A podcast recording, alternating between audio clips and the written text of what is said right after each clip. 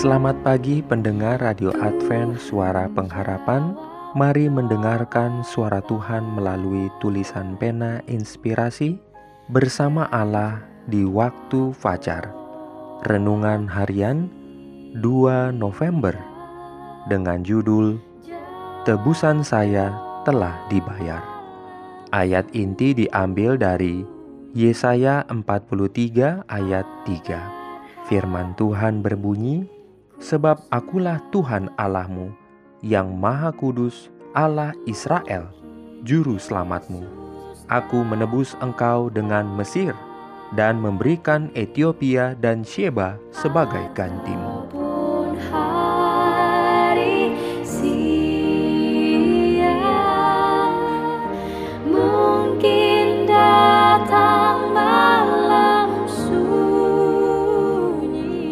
Urayanya sebagai berikut. Kita dapat bersuka cita dalam pengharapan. Pembela kita ada di bait suci surgawi, memohon atas nama kita.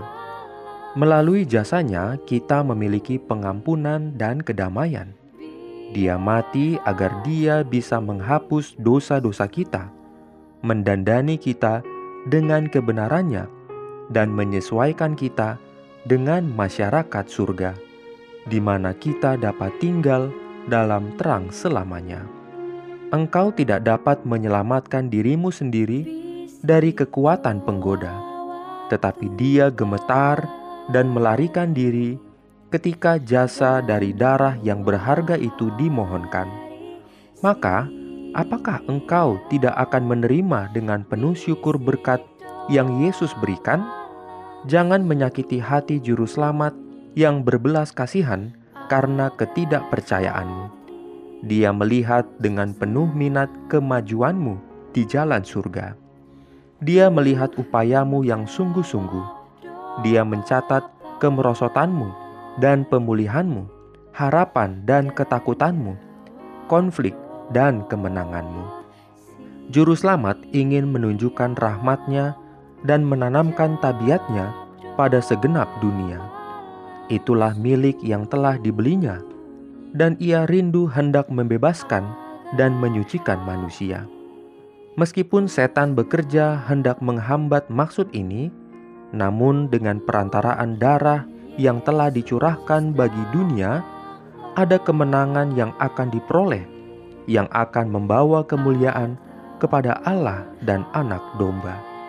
Untuk memastikan agar manusia datang kepadanya dan memastikan keselamatan kekal mereka, Kristus meninggalkan istana kerajaan surga dan datang ke dunia ini menanggung penderitaan dosa dan rasa malu menggantikan manusia dan mati untuk membebaskannya. Amin. Jawab doa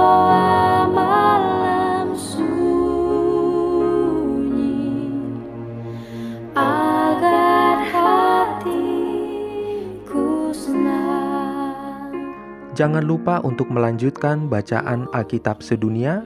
Percayalah kepada nabi-nabinya yang untuk hari ini melanjutkan dari buku 1 Raja-Raja pasal 2. Selamat beraktivitas hari ini. Tuhan memberkati kita semua. Mungkin datang